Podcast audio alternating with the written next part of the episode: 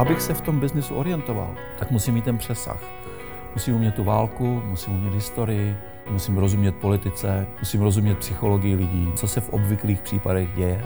Pochopit svět, rozumět mu nyní i v budoucnu, studovat všechno, co k tomu člověku pomůže. Paradoxně naučit se ten biznis je docela jednoduchý. Dobrý den, mé jméno je Zenon Folvarčný, jsem partnerem BDO a řídím uh, sekci daní v BDO.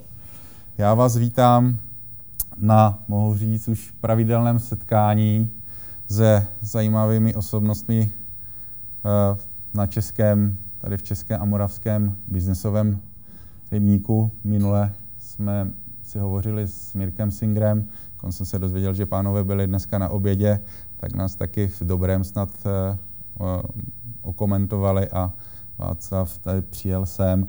Představuji tím pádem oslým můstkem uh, Václava Nováka, nestora krizového managementu v České republice, že partnera ML Moran a úspěšného investora. Václava vlastně známe, když se podíváte do tisku, tak ho známe jako člověka, který před nějakou dobou eh, emigroval za velkou louži, učil eh, ve škole matematiku, protože jste to i studoval. Pak se sem vrátil a stavěl na nohy anebo restrukturizoval velké, velké podniky s zarputilostí svojí sobě vlastní a eh, pak jako investor úspěšně prodal minimálně jednu ze svých eh, firm a teďkom si užívá života, jak jsme si tady měli šanci před, před chvíli trošičku pro, promluvit.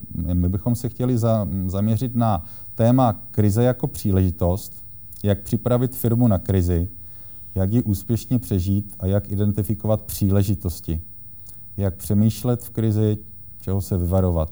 Václave, se můj, takhle oslovuje jménem, tak jenom aby to nebylo nějak pro někoho divné.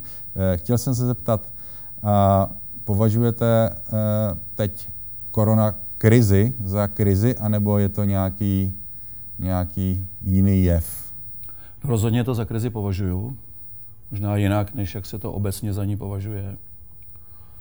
A e, než to na to konkrétně odpovím, tak já se trošku e, vrátím k tomu úvodu.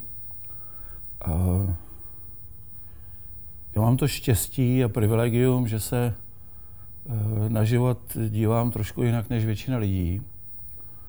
A stojí mě to tedy hodně energie, jak říká moje manželka, že pořád nad něčím přemýšlím, což je pravda. A eh, zhruba od 15 let jsem vždycky koukal jako 5 nebo 10 nebo 15 let dopředu, což když je člověku 50, tak to nevypadá divně, ale když je vám 15, tak to vypadá divně. Že jo? se bavíte o tom, kde bude jaká diskotéka příští týden, a řekne, to mě moc nezajímá, ale kde budu za 15 let, to, to je tam, kam koukám. Takže eh, tak jsem se na to díval, díky tomu jsem se připravil na emigraci a díky tomu jsem se v emigraci věnoval, čemu jsem se věnoval díky tomu jsem se taky vrátil. Jo? Ne proto, aby zítra to bylo dobrý. Nevím, jestli je nějaký navrátivší se emigrant, tady, jestli tady taky máme. Eh, dva, no tak jako vy asi víte, o čem mluvím.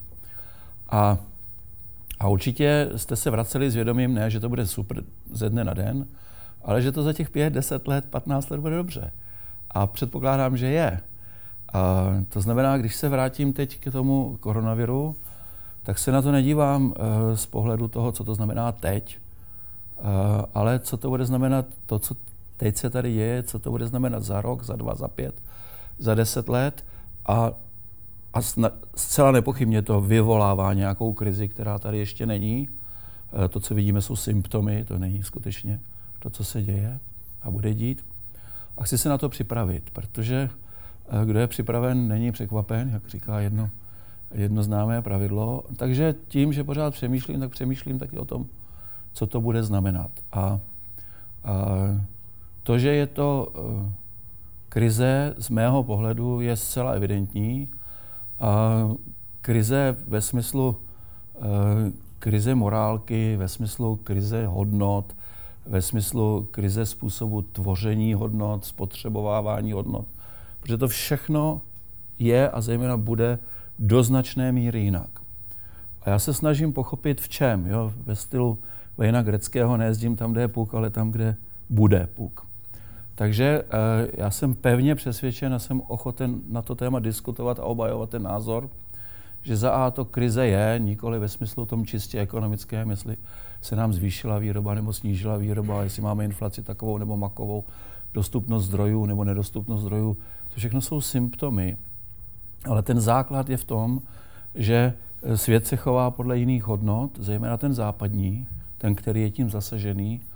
A moc tam krátkodobě nevidím cestu zpátky, jestli dlouhodobě, tak hodně dlouhodobě. Takže v tom si myslím, že to je krize. A stejně jako když jsem přišel zpátky do republiky, jak to byl rok 95, všechno se privatizovalo, všichni si mysleli, že jsou borci, že když to zprivatizovali, tak jsou tedy strašně dobrý.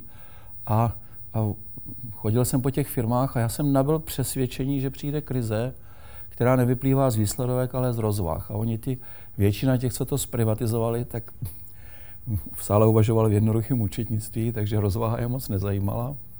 A takže mi ty výsledovky nechtěli ukazovat. Protože to bylo jako tajný, že jo, abych se náhodou něco dozvěděl. Ale ty, ty rozvahy paradoxně mi ukazovaly. A na to konto já jsem si řekl, ne, tady bude krize, já toho využiju, bude to chvíli trvat, ale využiju. A taky se to stalo, že jo? takže jsem se vrátil, vrátil jsem se za podmínek, kde jsem byl na třetině příjmu oproti tomu, co jsem měl, než jsem se vrátil, nominálně. Ale za dva roky jsem to měl zpátky. A e, teď jsem viděl zase, jako kam to směřuje, tak pak jsem se rozhodl, že už pro nikoho pracovat nebudu, jestli ty firmy budu kupovat. A Lubor Žalman ví, že ze začátku to bylo takový jako moc těch peněz jsme neměli, takže, takže jsme tak jsme to vymysleli jinak, protože jsme pořád přemýšleli, jak to udělat. Máli rovnice. Řešení dá se vyřešit, takže jsme to hledali. A z toho pohledu se dívám, kde ten svět si myslím, že bude za pět, za deset, za patnáct let. Chci se na něj připravit. Zcela nepochybně, kdo se na něj nepřipraví, na tom utrpí. Jestli je to v jednoduché věci, jako že nebude mít lidi, s kterými to může dělat, nebo technologie ho převálcují, to je jedno. Chci se na to připravit a chci na to připravit své děti. To jste mi vzal skoro vítr z plachet, protože právě jsem se vás chystal zeptat, jak vidíte až za rok, tak jestli jsou nějaká další odvětví, kromě nějakého odvětví horeka, o kterých jsem zatím moc neví, na které ta krize třeba přes ty rozvahy či podrozvahy dojde. Se možná tady tam, tam na takové typy. Ale... My bohužel nemáme moc času.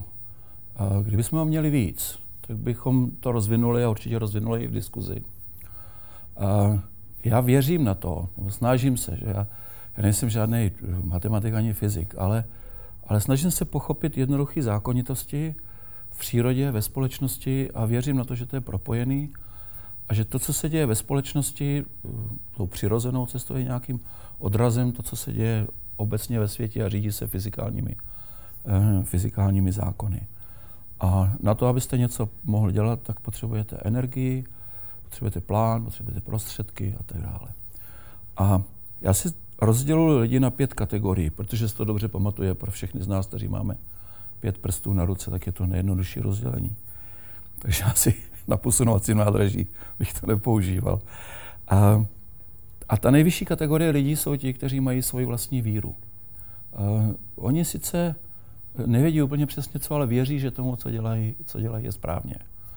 A to je strašně důležitý. Ta druhá nejlepší kategorie, nebo nejznešenější, je, že už nemám vlastní víru, tak aspoň přijmu víru někoho jiného a mám svoji vlastní vizi. A pak pod tím, abych to zrychlil, je kategorie lidí, co mají vlastní strategii, pod tím je kategorie lidí, co mají vlastní cíle a pod tím kategorie lidí, co mají vlastní prostředky.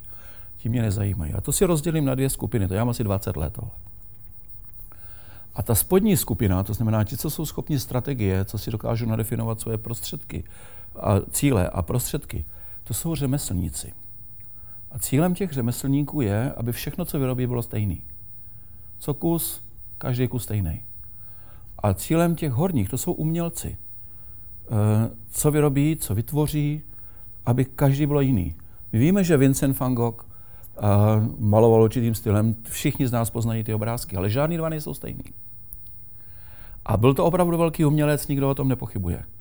Aby se mohl stát umělcem, musel se stát napřed řemeslníkem, musel umět napnout plátno, musel umět klást barvy a tak dále, ale jenom když se to naučí, co by řemeslník, tak z něj nebude ten opravdový umělec.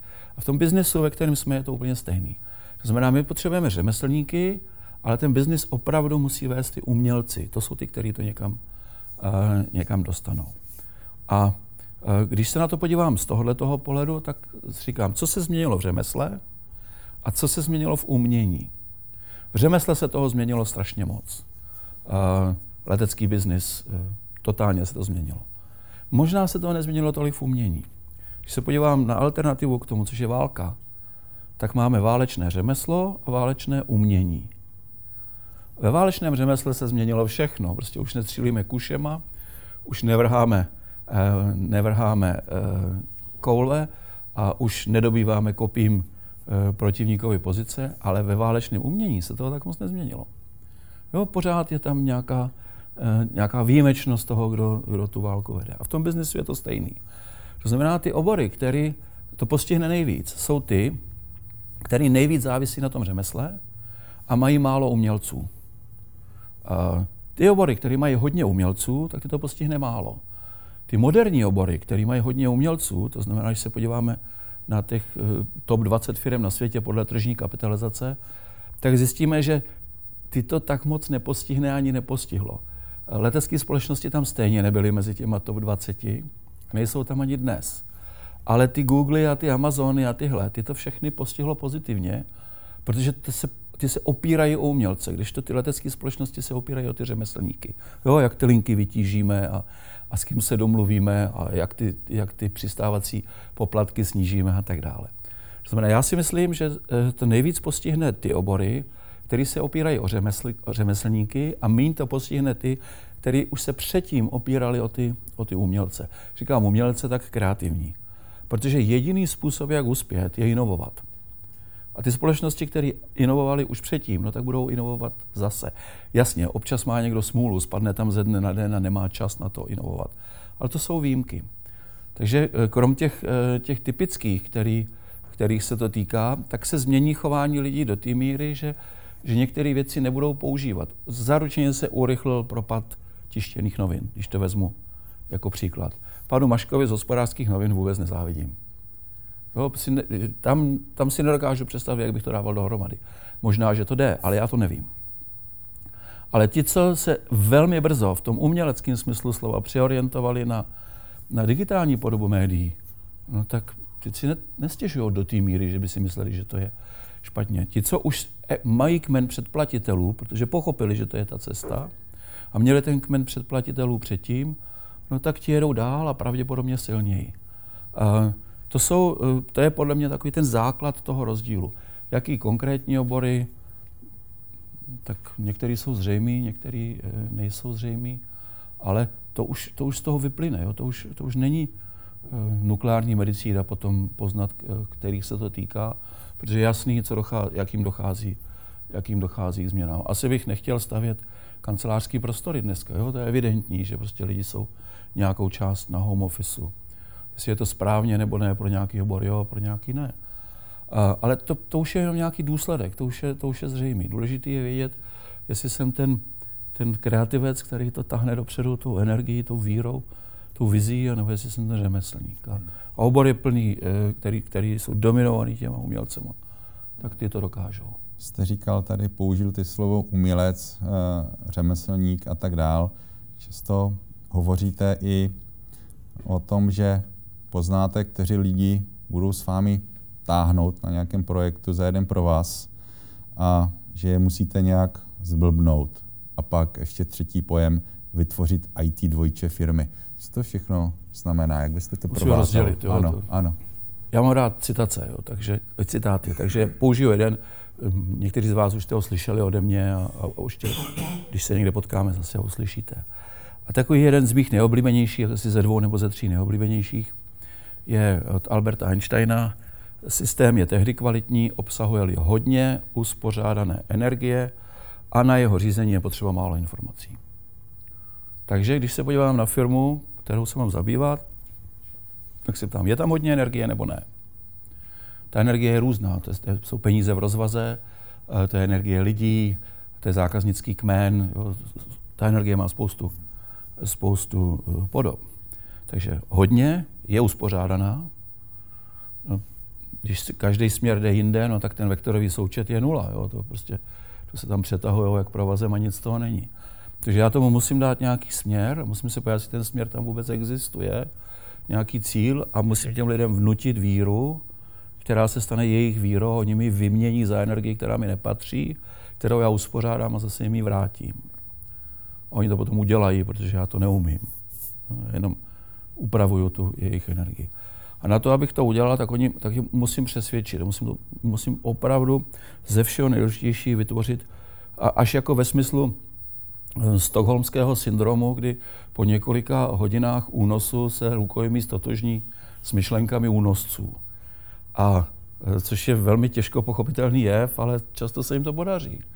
To znamená, tam musíte vytvořit příběh, s kterým oni se stotožní, který se v jejich pojetí stane jejich příběhem a výměnou za ten příběh oni vám dají tu energii a vy vám ji tam srovnáte a zase to jde zpátky.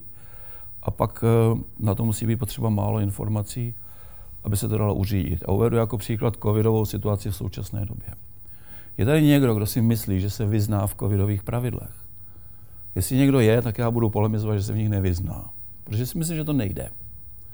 Kdyby, kdyby si někdo řekl, kolik jich je, tak mě tady sepište, a zmenšíme je na čtvrtinu. Proč na čtvrtinu? No, protože jsme řekli na čtvrtinu. Tak se nic nestane. Po mém soudu nikdo neví, co platí, co neplatí. Každý z nás jezdí do ciziny. Formulář příjezdový vyplníte jedině, když letíte letadlem. A když jdete do Žitavy nakupovat, tak si nedokážu představit, že to někdo vyplní. A když jdete z Chorvatska, tak si to taky moc nedokážu představit, že to ty lidi vyplní. I kdyby to vyplnili, tak to nikdo nekontroluje. I kdyby to kontroloval, tak se to každých deset dní mění. Takže vlastně ani nevědí, co mají kontrolovat. A ve skutečnosti se nikdo nezabývá tím, jaká je korelace mezi incidencí covidu a kvalitou těch, těch dát. No, takže jsou lidově řečeno, snad mi to proměnete k prdu. Kdyby někdo řekl, necháme jen pět, proč pět? Protože si to dobře pamatuje. Úplně to stačí. Takže eh, k tomu Einsteinovi musí se to jednoduše řídit. A ten příběh, který těm lidem dáte, a ono je to vlastně jedno, jestli je to z krize nebo rozvoj. Já jsem v té krizi začal hlavně proto, že mi to nevadí, že mám nějaký vysoký práh bolesti, že se nehroutím z toho, a protože ty firmy byly levný.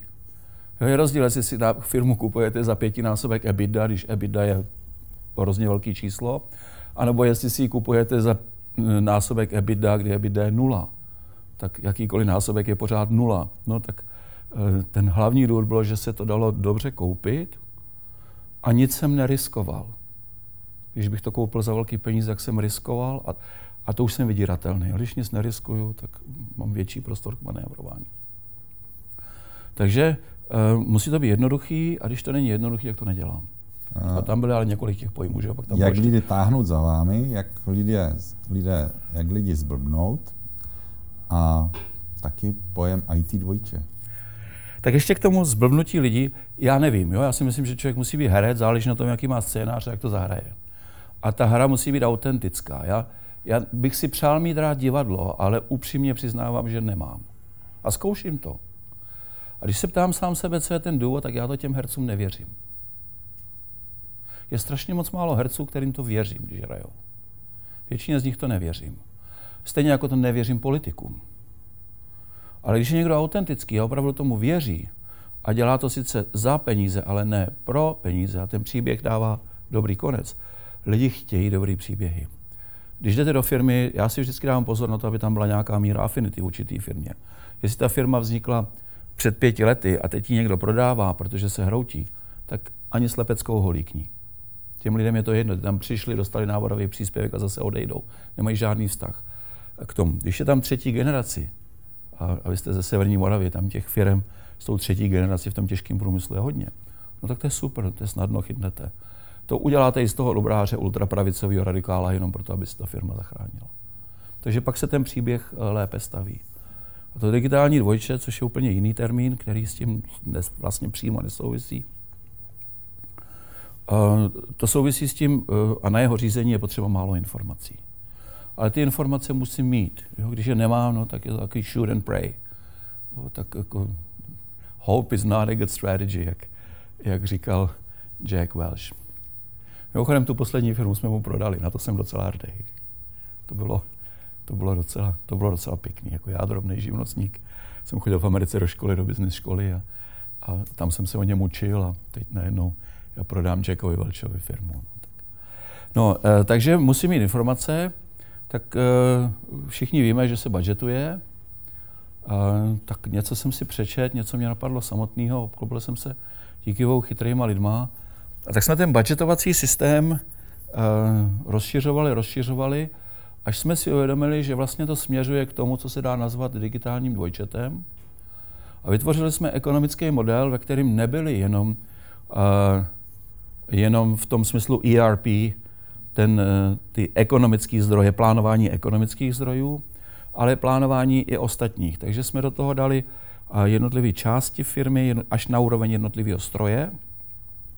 A tomu stroji jsme přiřadili ekonomiku, tak aby jsme věděli, co ten stroj konkrétní přináší, co přináší, když jede, jakou má OEE, když nejede, co nám ztrácí, eh, co se dá udělat pro to, aby jsme eh, maximalizovali výnos toho.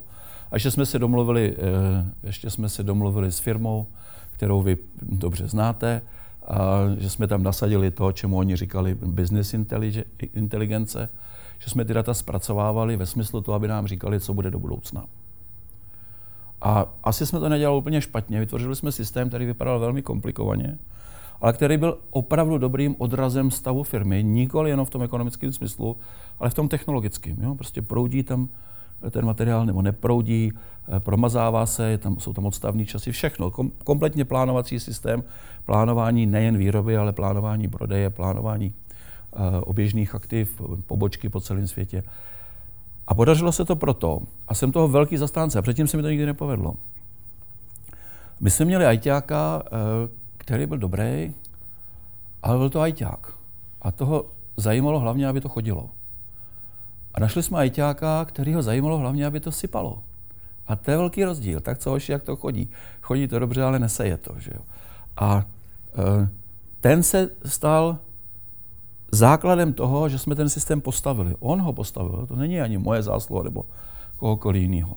A my jsme to v tom SAPu, který jsme měli, který nám přišel jako zbytečně mocný nástroj na tu malou firmu, ale nevyndali jsme ho, i když tam byly takové tendence, že to je moc složitý, tak jsme to v něm poskládali, k tomu jsme dali ten, tu nadstavbu toho zpracování informací a, a zpracování velkých čísel s odhadem do budoucna, takový ty predikce různý, který paradoxně velmi dobře fungoval. Jako opravdu dobře, tři, čtyři měsíce dopředu, vzhledem k tomu, jak se plnila ta pipeline zakázek, protože jsme nakonec měli pobočky po celém světě a museli jsme, museli jsme plnit sklady, to byla zátěž na pracovní kapitál, ale když se to otočilo, tak jsme věděli, že z toho máme takovou, takovou marži.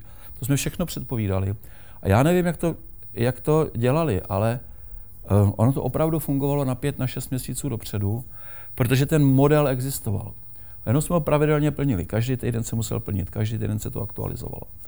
Takže já jsem přesvědčen na základě eh, tyhle zkušenosti, že v každém případě se dá vytvořit model firmy v digitální podobě, který v sobě obsahuje nejen ekonomické informace, ale i, ne, i jiné informace než jenom čistě finančního charakteru.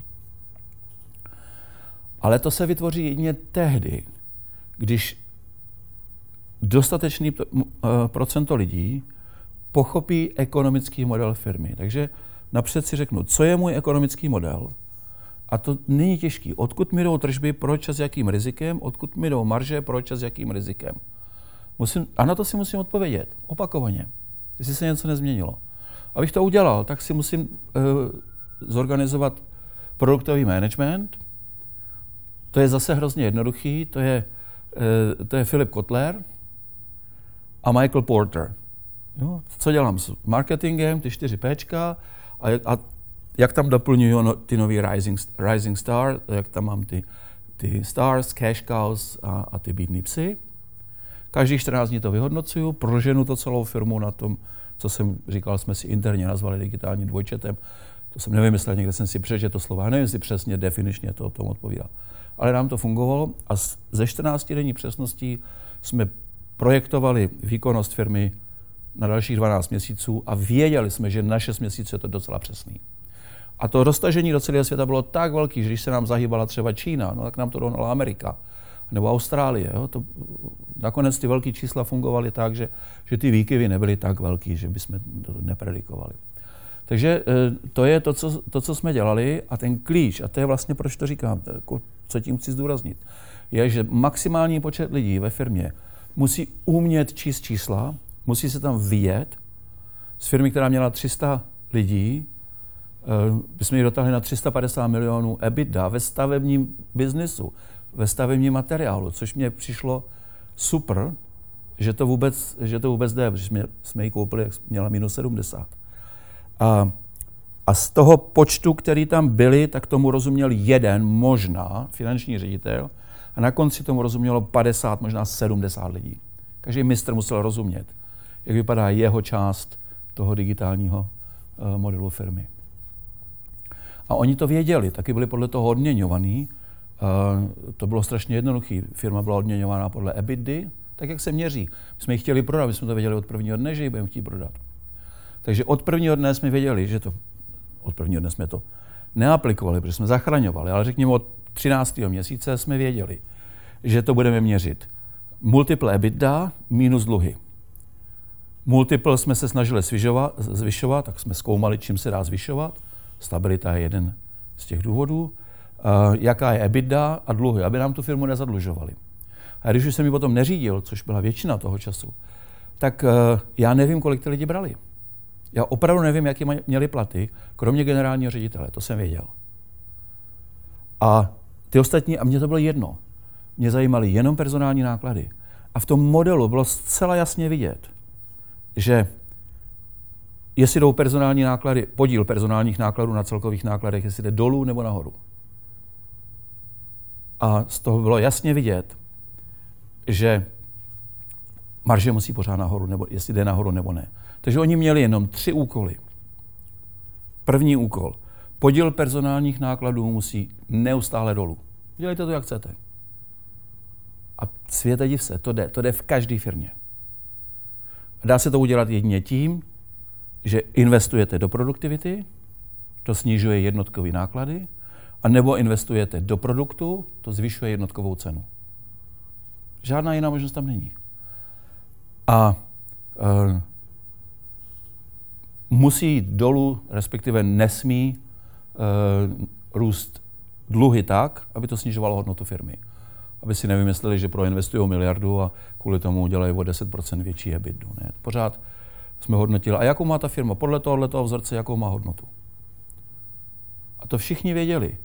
E, to vědělo 70 lidí ve firmě. My jsme se s tím nějak přehnaně netajili. A všichni z těch uh, 70 lidí, kteří byli na vedoucích pozicích, to znamená, že měli aspoň jednoho podřízeného, uh, tak všichni věděli, jaký je cíl a všichni na to měli navázané odměny. Ne 100%. Jediný, kdo na tom byl 100% závislý, byl generální ředitel, taky si vydělal čtvrt miliardy. Všichni ostatní nějakým podílem. Ale všichni byli odměňováni tak, aby jsme na tom vydělali a oni taky vydělali. A večer, když přijdou domů, aby si na tácku od piva na ledničce eh, spočítali podle toho digitálního modelu, protože ty výsledky z toho lezly každý 14 dní, jestli si vydělali nebo prodělali. To je jak na burze. Máte nainvestováno 10 milionů dolarů a vy si koukáte, jestli jste ten den vydělali nebo prodělali. Pendrek, nic se nestalo, jo? prostě jenom to lítá nahoru Ale dělá vám to dobře, že jste vydělali. A vadí vám, když jste prodělali. A to si to rozmysleli, než říkali, potřebujeme nový stroj, protože věděli, že se zadlužujeme. Tak šli a ten stroj si šli spočítat, jestli jim to dá v té produktivitě. A v tom je to zblbnutí lidí, jo? že ty lidi sami prostě přijdou a začnou se zajímat o věci, které předtím je vůbec nezajímaly, ani nevěděli, že existovaly. A to se díky bohu povedlo, protože jsme jim to namalovali. Jsem jim to namaloval. A můžu se zeptat, jaké jsou ještě další ukazatele klíčové pro pro firmy, pro majitele firm. Jste tady zmínil dva, podíl například nákladů na práci a zadlužování. Já jich moc nevidím. Protože když si dobře analyzujete ten svůj produkt a když rozumíte trhu, tak on nám to ukáže, kde je ten prostor. To zase úplně nukleární medicína není. Jestliže zavedete produktový management, my jsme měli 350 produktů, Měli jsme to rozdělené do skupiny A, B, C podle velikosti a obrátkovosti, protože některý se prodávali málo, ale stejně jste musel ten, ten batch na té na tý lence eh, se to muselo vyrobit. A Takže my jsme viděli, jestli nám ty marže na tom jdou nahoru, nebo klesají, jestli nám tržby jdou nahoru nebo klesají. To je jednoduchý, to prostě vypadlo z toho systému, bylo vidět, kolik jsme toho prodali. Viděli jsme za kolik. V okamžiku, kdy jsme mysleli, že nám nerostou nebo klesají, jak tržby nebo marže, tak produktový tým, co se s tím dá dělat? Co můžeme udělat s produktem? Změnit skladbu, vyměnit dodavatele, aby to bylo levnější, nebo ho vylepšit, nebo jinak leštit, nebo líp zabalit, já nevím co. Co uděláme s produktem, co uděláme s cenou, co uděláme s promotion a co uděláme s, placement distribucí. Jsou jenom ty čtyři věty. Kotler s tím vydržel celý život. Možná jste se s ním některý z vás potkali. To je, to, je, to je úžasný, že ten člověk udělal celou kariéru na těchto čtyřech věcech. Nikdo mu neříká, že to je zastaralý, mně to tak nepřijde. Takže každých 14 dní bylo sezení nad těma produktama. A co se pro to udělá? Všichni do toho přišli, včetně vývojářů. Co se může udělat s tím letím uh, produktem? Už se ty ubrousky tak neprodávají, už nám trošku klesají tržby. Aha, tak možná, že můžeme ten nápis BDO tisknout z obou stran. Kolik to bude stát? Protože když si to tady položím, tak nevím, od koho to je. Aha, no dobře, no tak dobrý nápad, ale co když si to takhle rozložím? No a, a takovýmhle způsobem, prostě primitivním, holistickým způsobem jsme hledali, jak ten produkt vylepšit. Věřte tomu, že složitější to není. A v žádném biznesu to není složitější. Říkám si, co mám udělat s produktem, aby byl buď to levnější, a nebo abych ho dráž prodal. Co mám udělat s cenou, abych měl celkovou marži menší, nebo uh, aby mi ta marže šla nahoru. To jsou, to jsou jednoduché otázky. A nikdy jsem nepovolil, nikdy, aby někdo řekl, budeme dobývat trh za cenu nižší marže. No way, zapomeňte. Tak tam nebudeme. Marže, průměrná marže za celou firmu musí jít nahoru. Ne, že bychom se někde nepodbíli, nepodbídli. Samozřejmě, že jsou občas nějaký promotion, kdy prostě se potřebujete někam dostat. Ale v celý marži za firmu to muselo jít nahoru. A když to nešlo nahoru, tak byl problém. A ty lidi to věděli. Ty lidi věděli, že přijde zase za měsíc novák a bude se ptát, co se stalo s marží.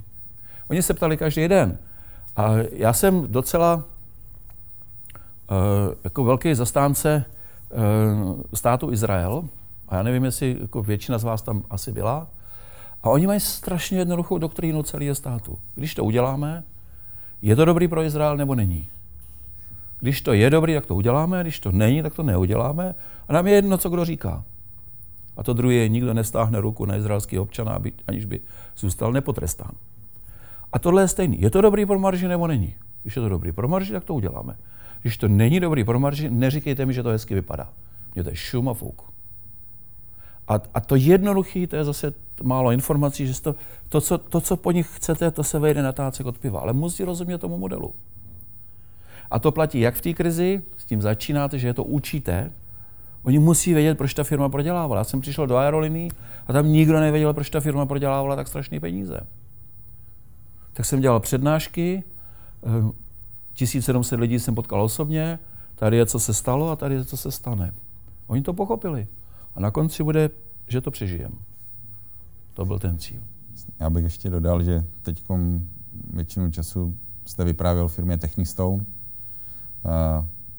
protože na začátku jsme zmínili vaše restrukturizační projekty. Um, zmiňoval jste kolem těch ukazatelů i transparentnost ve financích, že kolik lidí vlastně tomu muselo rozumět.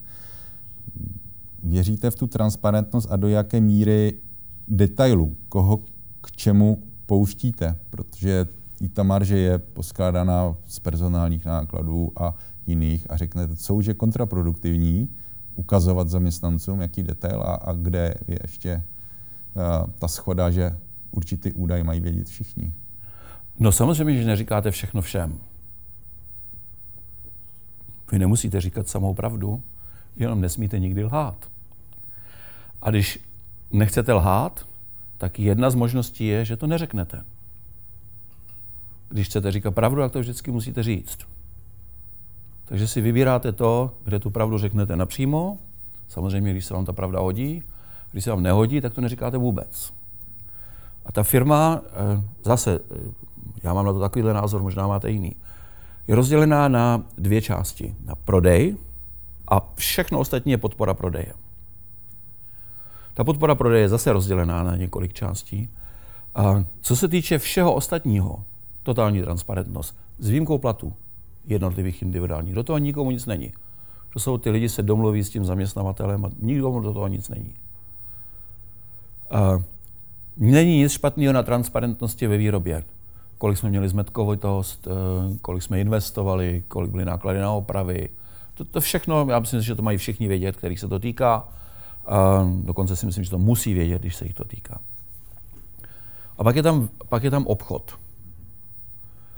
Marže za celý obchod jsou tak někde na hraně, jestli se to má vědět nebo nemá vědět. Protože jsme to řešili mezi skladem.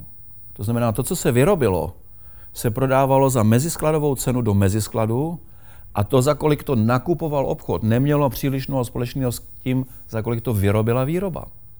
To byl separátní jednotka, separátní hodnota. A potom ten obchodník to jakoby nakupoval ze skladu za cenu, která se měnila každý měsíc. A on žil z provize, která byla nad rámec toho, za kolik to nakoupil. A to byla jeho osobní marže. Do té nikomu nic nebylo. Samozřejmě na interních poradách se porovnávalo, kdo je lepší, kdo je horší, ale nikam jinam to nešlo. Pokud se týče těch ostatních a skladových cen, taky ne, to taky nikdo, jako, za kolik se to nakupovalo z toho obchodu, za kolik se to tam dávalo, to bylo OK.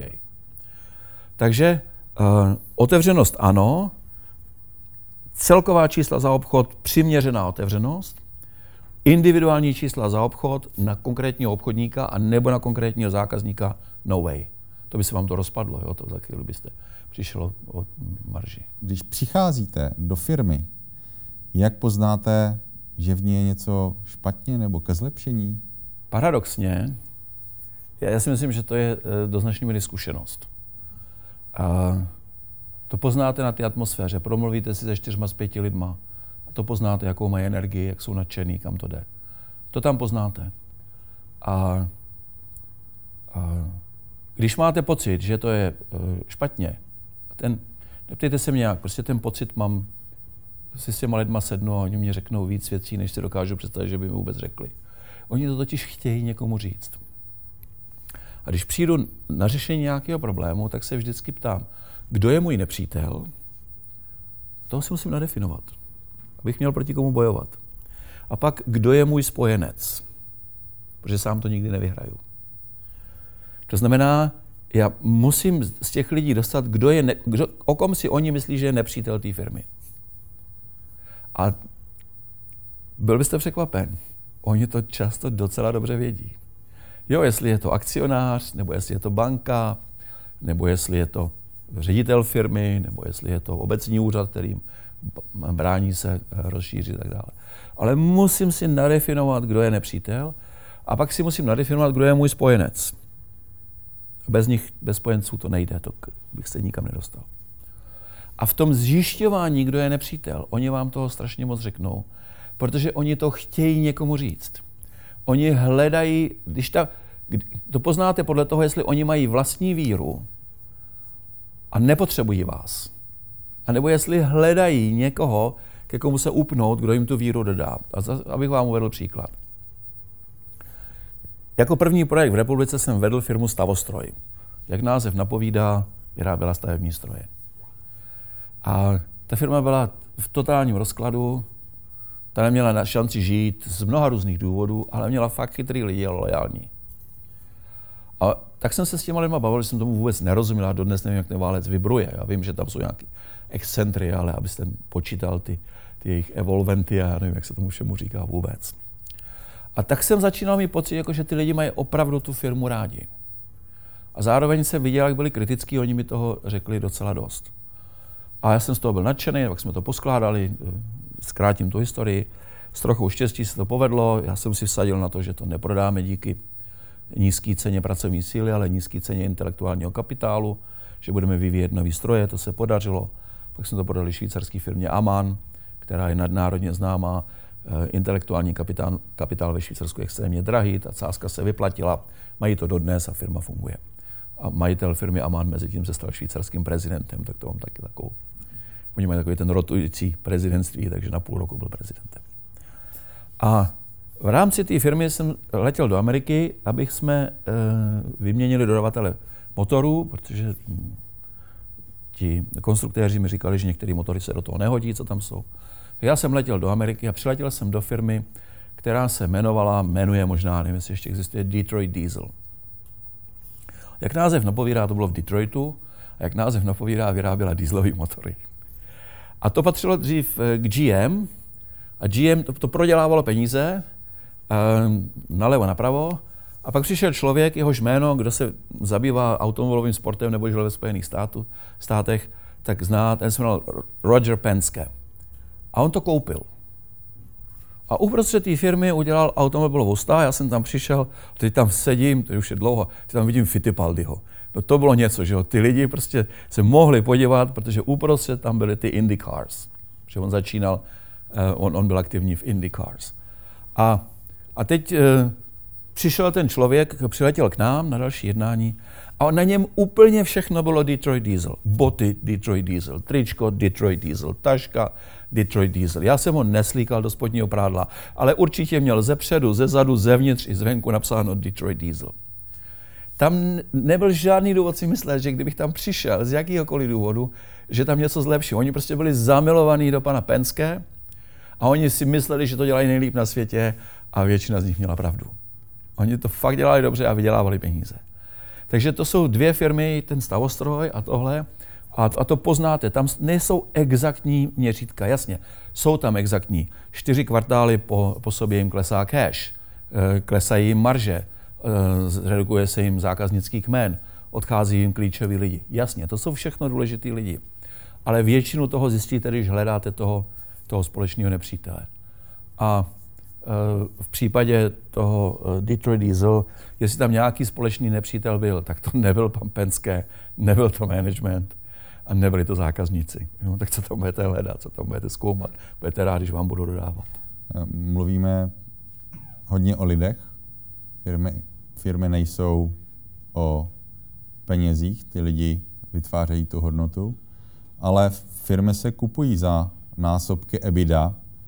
A Měl by se při transakcích ocenit i potenciál lidského kapitálu? Pokud ano, a jak? A jak poznáte talenty lidí i to, že jejich role nepasuje na jejich pozici?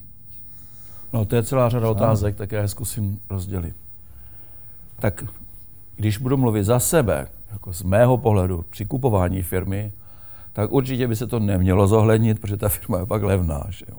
Kdyby se to zohlednilo, že ten potenciál lidí je velký, tak by byla drahá protože se o lidském potenciálu se neúčtuje. Když se podíváte na rozvahu, tak tam v té levé straně mezi těma aktivama nic takového není. Občas se tam objeví nějaký goodwill, ale ten tam zpravidla bývá z nějakých jiných než, než čistě uh, reálných důvodů. Takže já jsem rád, že se to tam neobjevuje, ale ve skutečnosti, kdyby existovala metoda, která je aspoň přiměřeně exaktní, což je takový oxymoron, prostě měřit exaktní metodou hodnotu lidského potenciálu je těžký, tak si myslím, že by to tam mělo být. Takže to je při nákupu. Při prodeji se to tam snažím zhodnotit, snažím zohlednit a tomu kupujícímu musím dát najevo, že ty lidi jsou opravdu dobrý.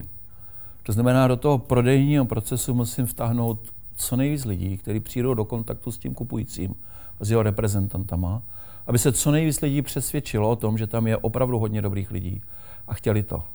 Jednak proto, jaký mají odborní znalosti a proto, aby si s nimi chemicky sedli, aby byli rádi, že se vidí. A, a když už se tak jako chlubím tím technistounem, tak uh, to koupila americká firma, která se jmenuje Wilson Art, patřila do investičního fondu Jacka Welche, který krátce na to zemřel, doufám, že ne z tohohle důvodu. A má dvě miliardy tržeb dolarů což je velká firma. My jsme měli eh, v dolarech nějakých, nevím, 70, 60, 60 milionů dolarů, 70 možná. A uh, oni to koupili, přestože přišel covid a tržby nešly nahoru, se bavíme o stavebních uh, hmotách, tak EBITDA vylezla o dalších 20%. To byla ta business intelligence, která to předpovídala, se to potvrdilo dochází, docházelo a dochází k čilý výměně, výměně personálu mezi Texasem a, a Hradcem.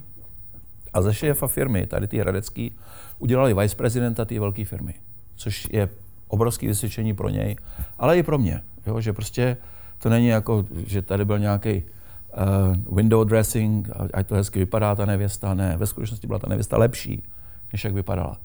A my, jak jsme to prodávali, tak za tu dobu, co jsme to prodávali, protože jednání probíhaly asi půl roku, tak se ta cena jenom zvyšovala, protože ty ukazatele se jenom zlepšovaly. My jsme vždycky říkali, bude to příští kvartál takhle a vždycky to bylo lepší.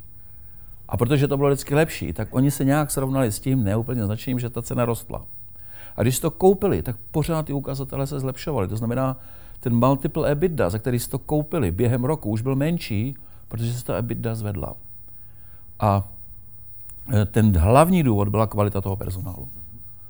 A aby ta kvalita byla dobrá, no tak e, to bylo hrozně jednoduché. Že? Firma v Hradci vyrábí e, konglomerovaný kámen, taková firma nikde široko daleko není, to se nestuduje, takže to každý musí naučit v té firmě. No tak jsme tam pro, žádný takový, kdo je na trhu. Pročesali jsme Foxconn a, a, a Panasonic a, a Wheeler Motor a já nevím, co jsou všechno za firmy v Hradci a okolí a tady ty, ty Aeros, jak se jmenovali, teď nevím, jak se jmenují, co dělají ty, tu medicínu, hned tak přijíždíte do Hradce, ta americká firma. A, a tam jsme prostě cíleně šli po lidech, kteří nejsou spokojení tam. Jo, aby jsme, tam jsme hledali, jaký jsou jejich nepřátelé v té firmě. Jestli, a šel jsem potom, aby měli dobré vzdělání, museli mít exaktní vzdělání, snad mi prominou um, ti, co jsou absolventi soukromých českých vysokých škol, ty jsem ani nezval na interview. Jo, jestli někdo řekl, že je z finanční, eh, vysoké školy finanční a správný, OK pro něj, ale na interview ke mně nepřišel. Takže musel mít exaktní vzdělání, nejlépe ČVUT, nebo vystudovanou matematiku, nebo nějaké exaktní vědy. A e, zajímalo mě, jaký měl známky z matematiky, jak se učil. E, nejlepší, když měl červený diplom, na tom jsem netrval, ale ta pravděpodobnost, že bude docela dobrý, byla OK. A hlavně musel chtít lítat a měl tam svázaný křídla. No, tak když jste ve Foxconu, jak můžete lítat, že jo? to jsou všechno takový pěší ptáci tam. Tam jsou otroci a otrokáři, kteří jsou otroky jiných otrokářů, ale pořád je to otrokářský systém. A, a teď jim dáte tu volnost a řeknete jim, že budou dobývat země kouly. A mě to připomíná, když Jack Welsh dával dohromady tým pro GE, tak uh, lákal jednoho člověka z Pepsi Cola. Já si nepamatuju, jak se jmenoval uh, ten, uh, ale myslím, ale prostě byl jeden z velkých šéfů Pepsi Cola a ten ne, že se mu tam líbí. A on se tak na něj úplně říká, tak chceš dobývat svět nebo prodávat cukrovou vodu? A zblbnul ho a nalákal ho tam. A já, a já nevím, jestli to byl Isolt nebo... Ne, pardon, Jobs to byl, Jobs, to jsem se spletl.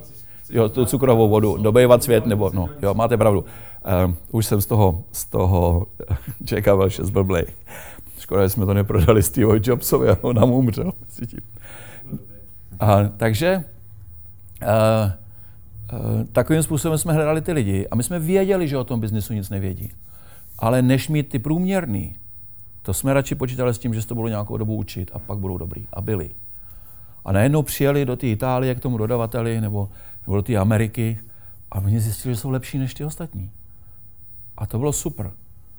A to jim dodává sebevědomí. A sebevědomí to je taková svině, pardon, že má krátký poločas rozpadu, dá se krmit jenom úspěchy a starý úspěchy mu nechutnají. Takže jsme je museli připravit na to, aby měli nový úspěchy. No jasně, přijedete do Texasu, do firmy, která má 2 miliardy tržeb a a to mi vysvětlujete, jak se to dělá. Jo? To, eh, aby jsme měli největší maržovost v oboru. Ne, ne, nebyli jsme největší, ale z nejhorší firmy, tak jsme se dostali na nejlepší firmu v oboru. Tak jsme to museli prodat. Co bychom s tím dělali? My jsme nebyli tak velký, aby jsme si koupili konkurenta, který, to je trošku jak ten Linet, že jo. Už jsme hodně jako dobrý, ale tolik peněz, aby jsme si šmahem koupili konkurenta, nemáme. No, tak, tak se tak, jako by jsme se v tom plácali, no to jsme nechtěli, jak jsme to prodali. Takže a... tu cukrovou vodu máte pravdu, jo, to byl Steve Jobs. No. A když jste už do nějaké firmy vešel a ty lidi jste nevybíral, ale poznal jste někdy, měl jste tu zkušenost, že prostě do analytik je v marketingu a chce to prostě změnu pro něj a pak ta firma, když ty lidi takhle dáte, tak bude fungovat za lépe. Tam platí takový obecně třetinový pravidlo. Mm-hmm. Třetina lidí stojí za pendrek, protože z nějakého důvodu ta firma se do těch problémů musela dostat. Jo, těch, který, který měli smůlu, těch je hrozně málo. Většinou za to Jestli se firma, eh, jestli, že firma eh, prodělává a nezlepšuje se, nebo je firma v krizi a nezlepšuje se, je to vždycky vina jejího managementu. Žádné výjimky tam neexistují. Takže třetinový pravidlo, jedna třetina musí pryč. Tyto způsoby tam nemají co dělat. Třetina zůstane a třetina se povýší. Někam se posune, buď to výš, nebo někam jinam. A to musím poznat, nebo snažit se poznat, že to nikdy jako 100% neuděláte. A nejlíp to poznáte tím, že se s těma lidma hodně bavíte. Za A se jich zeptáte, oni ne vždycky mají pravdu, občas mají nadsazený představy o tom, jak jsou strašně dobrý. A platí tam takový pravidlo, when in doubt, kick him out. Jo, a moc to neskoumejte. Chodí jako kachna, kváka jako kachna, vypadá jako kachna, je to asi kachna, vezmete flintu a střílíte. Jo, a občas se trefíte špatně, ale to je jedno. Stejně vám někdo občas odejde a, a vy už ho nezachráníte. A musíte to dělat tak, abyste se choval férově, ale žádný moc velký kompromisy. Protože kompromisy vedou průměru a průměr jenom zvyšuje míru průměru. Takže a musím s těma lidma mluvit. No to je, majitel, ředitel firmy, když ten majitel je takový, že tomu řediteli dává pravomoci, tak ředitel, jinak ten majitel je ten, kdo to ovlivňuje, má strašně jednoduchý život. Musí dělat jenom dvě věci. Musí rozhodovat a motivovat. V rozhodování mu všichni pomůžou. Ty mu dávají podklady, diskutují s nima, motivaci mu nikdo nepomůže, musí udělat sám. To je ten herec, jo? to je prostě to stavění těch cílů, to je, te, to je ta víra, to je ta vize. Ten ostatní, to, všich, strategii poskládá kdokoliv. Najmete si firmu, vám tu strategii udělá. Protože to je řemeslo. Ale vizi, to musíte udělat sám. A rozhodovat musíte s pomocí všech ostatních, na to máte ty podklady a ty, ty analýzy a, a ten to digitální dvojče a něco všechno. Motivovat musíte sám. To vám nikdo nepomůže. Se nedá delegovat. Mluvili jste hodně o lidech z vedení i z provozu. Máte nějaké příklady toho, že největší příležitosti rozvoje firem nebo uh, přinesli lidi z provozu, že to nebyli jenom management, že za vámi ne. chodili někdo z nějaký zlepšováky? Tak. Ne, ne. Myslím že, myslím, že tohle se přeceňuje. Určitě je úkolem vedení firmy nebo majitele podchytit tyhle nápady. Ty lidi mají tu firmu rádi, vědí, jak to tam chodí, mají spoustu dobrých nápadů. Opravdu hodně. Ten problém je v tom, že oni nevidí celý, e, celý obrázek. Oni jsou ty řemeslníci. To znamená, pakliže to používáte jako nástroj pro zlepšení vašich řemeslných dovedností, tak je to super a máte jim dát prostor. Jak v tom, že vyjádří svůj názor, tak v tom, že jsou za to odměněni. To je OK. Ale nemůžete tím řídit firmu. Nemůžete řídit firmu tím, že eh, se budete ptát stovky lidí, co by se tam zlepšilo a pak z toho vemete nějaký kompromis. Tu vizi musíte mít vlastní. A ta, to vizi, jestli je někdo dost dobrý na to z těch podřízených, aby tu vizi dal dohromady, tak tomu má šéfovat. Nemá tam zůstat. A může se stát, že tak vyroste ten člověk, jo, to je super. Ale že by někdo vylepšoval, jak vypadá eh, čovka, jo, a, a z toho potom jako vylezla strategie firmy, možná hledala, že bych vyráběl a prodával čovky. Jo.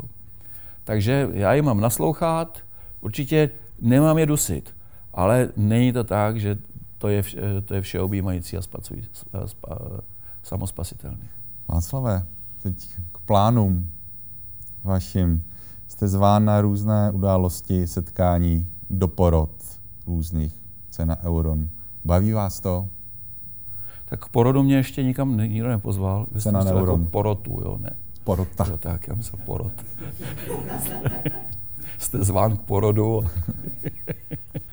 no, uh, tak uh, já už se moc nehoním z mnoha různých důvodů, z části zdravotních, ale nedokážu, nedokážu si představit uh, intelektuálně zlenivět.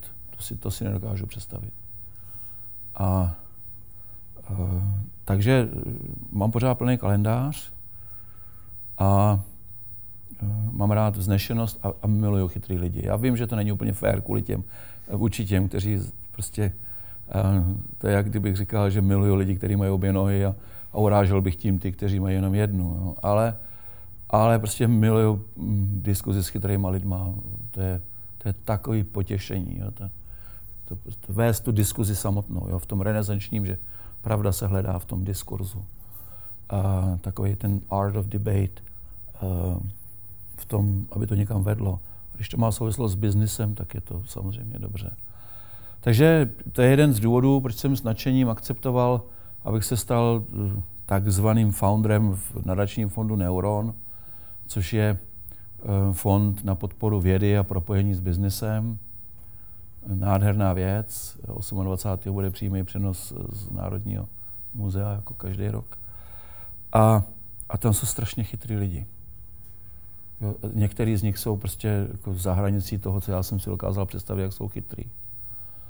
A úžasný, vznešený. A jenom to tam být s nima, ono to generuje takový ten autocenzurní efekt, než člověk něco řekne, jak si to musí rozmyslet, aby tam nebyl za idiota.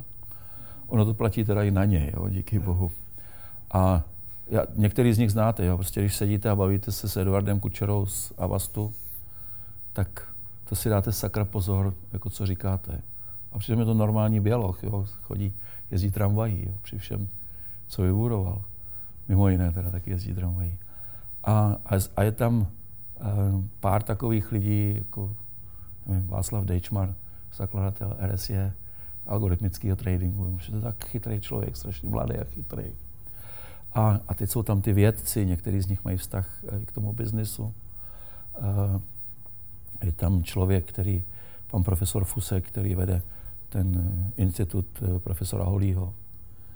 A teď vidíte, že to je státní instituce, která je součástí Akademie věd, protože to vedou dobře.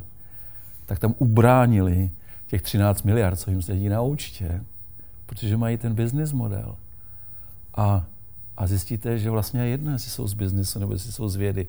Protože on pracoval pro Pfizer asi 10 let, jo, takže, takže ví, jak to překlopit. A, takže to jsou činnosti, které mě baví. Já dodám jen, že tam jste byl pozván, takže to větší byla čest. Tam, tam, tam mě pozvali, jo, takže jako toho si, toho, si velmi, toho si velmi vážím. A občas chodím na nějaké uh, akce takového typu jako tady. A uh, nikdy se nevzdám touhy, to řeknu ještě, mám takový základní krédo, který mám a který mě doufám vydrží až do smrti. Já mám taky tři základní úkoly, bych rád pět, ale prostě mi to vychází na tři. Pochopit svět a rozumět mu nyní i v budoucnu. Na tom se nedá moc vydělat, když pochopíte svět. To sedíte v akademii, nebo jste filozof, který o tom píše. Ale je to strašně důležitý. Prostě jak ten svět funguje. Když to pochopíte, tak pochopit můj biznis a rozumět mu nyní i v budoucnu. Když pochopíte svět, tak ten biznis pochopíte strašně jednoduchý. To je, to je opravdu jednoduché. Já těm biznesům vůbec nerozumím. Já už jsem, byl, já už jsem vedl tolik různých firm a technicky, řemeslně tomu nerozumím. A proč se to skoro, nebo většinou se to povede. A někdy to vypadá jako úplně beznadějně. Ale já nechodím bojovat, abych byl samá modřina, chodím bojovat, abych vyhrál. A to pochopení světa e, vám to umožní. Jo? Teď je nedostatek čipů. Tak jestli jsem výrobce a vyrábím auta a montuju auta, jsem si koupil nový auto, dostal jsem jenom jeden klíček, tak se ptám proč, no protože do druhého je taky potřeba čipa. Ten ušetříme, no tak mi dají druhý čip, nevím kdy. A já, já si myslím, že trošku vnímám, co to je za hru, proč ty čipy nejsou. A snažím se to pochopit.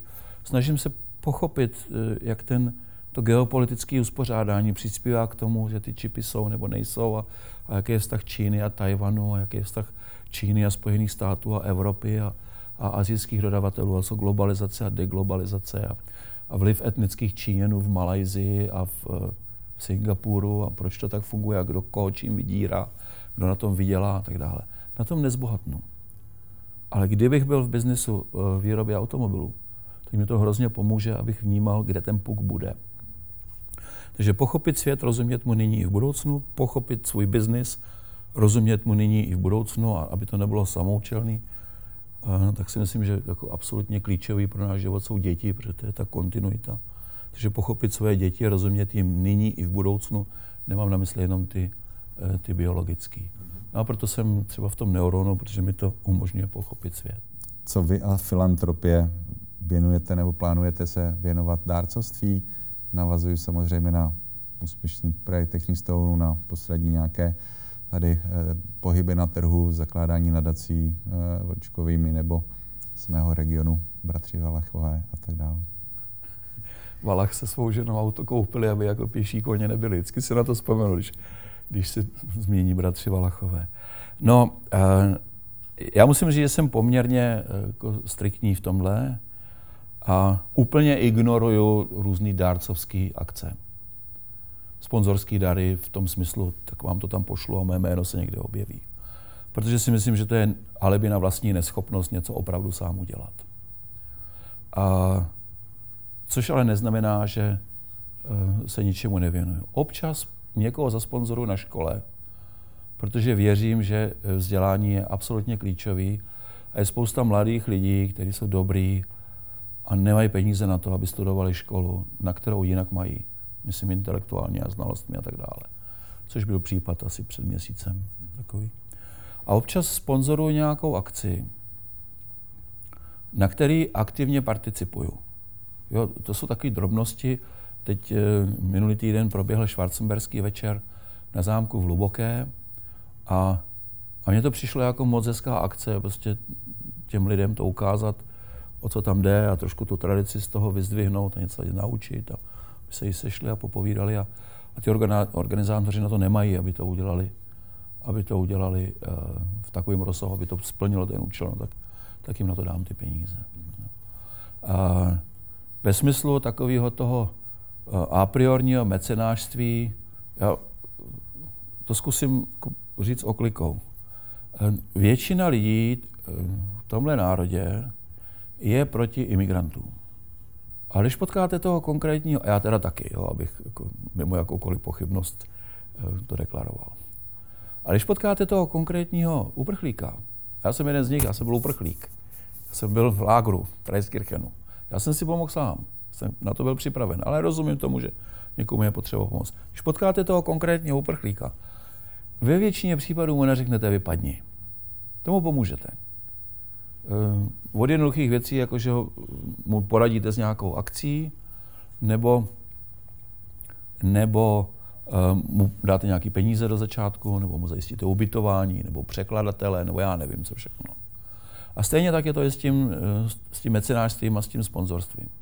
Obecně úplně toho nejsem zastánce, i když si myslím, že bohatí lidi se mají dělit. Jo, to tak prostě je, ale, ale nemají to nikdo nařizovat, mají se chtít dělit a mají se dělit na konkrétní účel, pro konkrétní potřebu konkrétního člověka nebo konkrétní skupiny lidí. A pak je to OK. To znamená, než ten mecenářský, sponzorský dar přijde, já si myslím, že se má vybudovat vztah. Když si budete vztah, neřeknete ne, uděláte to rád, ty peníze máte, tak to tam prostě přidělíte. Ale v tom smyslu, já jsem přišel, když jsem, když jsem přišel poprvé do Kanady, tak, jsem, tak mě nalákali do, do, do, do kostela v Torontu, a první, co udělali, že to obešli s kloboukem. A já jsem věděl, že už tam nikdy nepřijdu. Ještě jsem nic od nich neviděl a už po mně chtěli peníze, který jsem notabene ani neměl v té době. Takže to je přesně to, co, to, co nechci. Ale člověk má být trochu furiant. Jo? Prostě ten punč platím já. A, a chceme nějaký odkaz. Takže já myslím, že je OK, když člověk sponzoruje opravu kapličky ve vesnici, kde se narodil, a já si myslím, že OK, když nechá vyčistit rybník ve vesnici, který se narodil. Ale to ještě neznamená, že vyčistí všechny, všechny rybníky v této republice. Takže hromadně jako obecný poskytování úplně proti, proto nejsem. Když se vybuduje vztah, a to chvíli trvá, tak pak mi to přijde úplně normální, že tomu pomůžu, protože pak mi to dělá dobře. Pak to není jenom to alibi. Na závěr, chcete nám něco prozradit zajímavého, co jste ještě nezdílel v médiích? Myslíte něco peprného z mé osobní historie? Otevřená otázka. Tak to bych vám asi uh, neříkal. Ale jedna, uh, v souvislosti s covidem je tady jedno téma, které bych rád otevřel a mě osobně trápí. A myslím si, že to je téma, který stojí za to, aby bylo zvednutý ze země a, a diskutovaný, protažený tou diskuzí v tom smyslu hledání pravdy. A to je, jak se vyvíjí společnost, ve které žijeme, eh, paradoxně, nebo potažmo i, co to znamená pro biznis. A my žijeme ve společnosti, která se dlouho opírala o kopírování přírodních zákonů, který došlo k částečnému přerozdělování hodnot eh, ve prospěch těch, kteří neměli, co myslím, že je správně, ale jenom proto, aby se dostali do schopnosti, aby měli, aby produkovali. A my se dostáváme eh, od eh, zásluhovosti nárokovosti. A v okamžiku, kdy opouštíme princip zásluhovost a přikloníme se k principu nárokovosti, tak se dostáváme do průměru. Ale v historii průměr nikdy nic nedokázal. Vždycky to byli jedinci, kteří riskovali.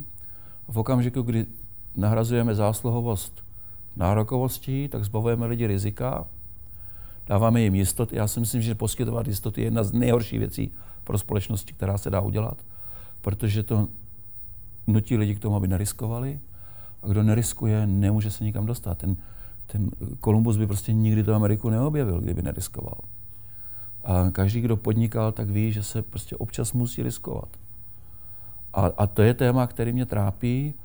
A jak se vrátit k tomu, aby zásluhovost zase dominovala lidský snažení, uh, protože jedině zásluhovost tvoří hodnoty, které se následně můžou částečně přerozdělit. V okamžiku, kdy se nevytvoří hodnoty a nehonoruje se zásluhovost, tak se spotřebávají hodnoty, které vytvořil někdo jiný, zvyšujícím se tempem, až jich nakonec bude tolik, že se nestačí vytvořit. Ta společnost se musí zadlužovat jakoukoliv podobou, jo, jestli si půjčuje lidi nebo peníze, nebo to je jedno. A to já vidím jako, jako strašně nebezpečnou věc. To znamená, um, takový téma, který jsem ještě nikdy nezmiňoval, je, jak přechod od, nárokovost, od zásluhovosti k nárokovosti, od, uh, od Darwina, který říká survival of the fittest, neříká, že musí všichni přežít. Říká, kdo se přizpůsobí, přežije. Kdo se nepřizpůsobí, nepřežije. Nepřizpůsobit se a stejně přežít. Myslím, že je totálně detrimentální vůči budoucnosti společnosti. Takže to není žádný tajemství, já jsem nevymyslel nic nového, ale trápí mě to. Václav, já vám moc děkuji za setkání a že, za šíření zkušeností touto cestou, setkání po setkání, jedno po druhém. Děkuji i vám, i budoucím posluchačům podcastu.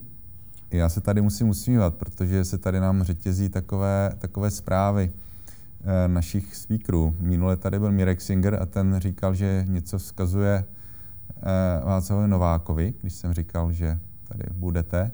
A na začátku jsme se tady bavili, jestli nevíme o tom, jak se Piškaninům podařilo předat podnik z generace na generaci a mluvil jste tady o ústavách a o tom jsme se bavili. No a já zrovna bych chtěl pozvat na další z našich série Time to Lead eh, právě na setkání v listopadu s panem Piškaninem. Vždycky napadne, že to, abyste to nepletli, nebylo to Time to Leave. no, je, bude to téma život po životě. Jaký je život po předání firmy a po letech tvrdé práce? Takže, takže všechny vás zvu i posluchače podcastu. Můžu ještě poznámku ano. k tomu, eh, to nechám tomu, kdo tady bude příště, ale jestli chce někdo předat firmu další generaci, čímž netvrdím, že to je vždycky to nejlepší řešení, nějakému svému potomkovi, tak s tím musí začít nejpozději v pěti letech toho potomka. Každý další rok, kdy začne později, se zmenšuje pravděpodobnost, že se to podaří.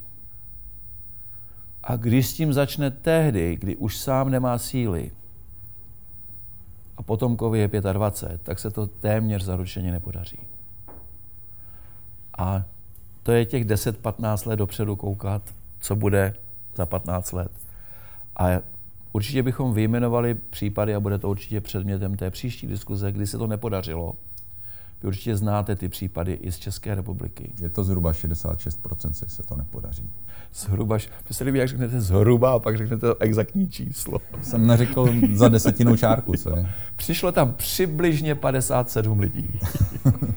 a tak když se to nepodaří, a to já bych řekl, stačí říct, že to je víc než polovina, tak je to vždycky vina toho, kdo předává.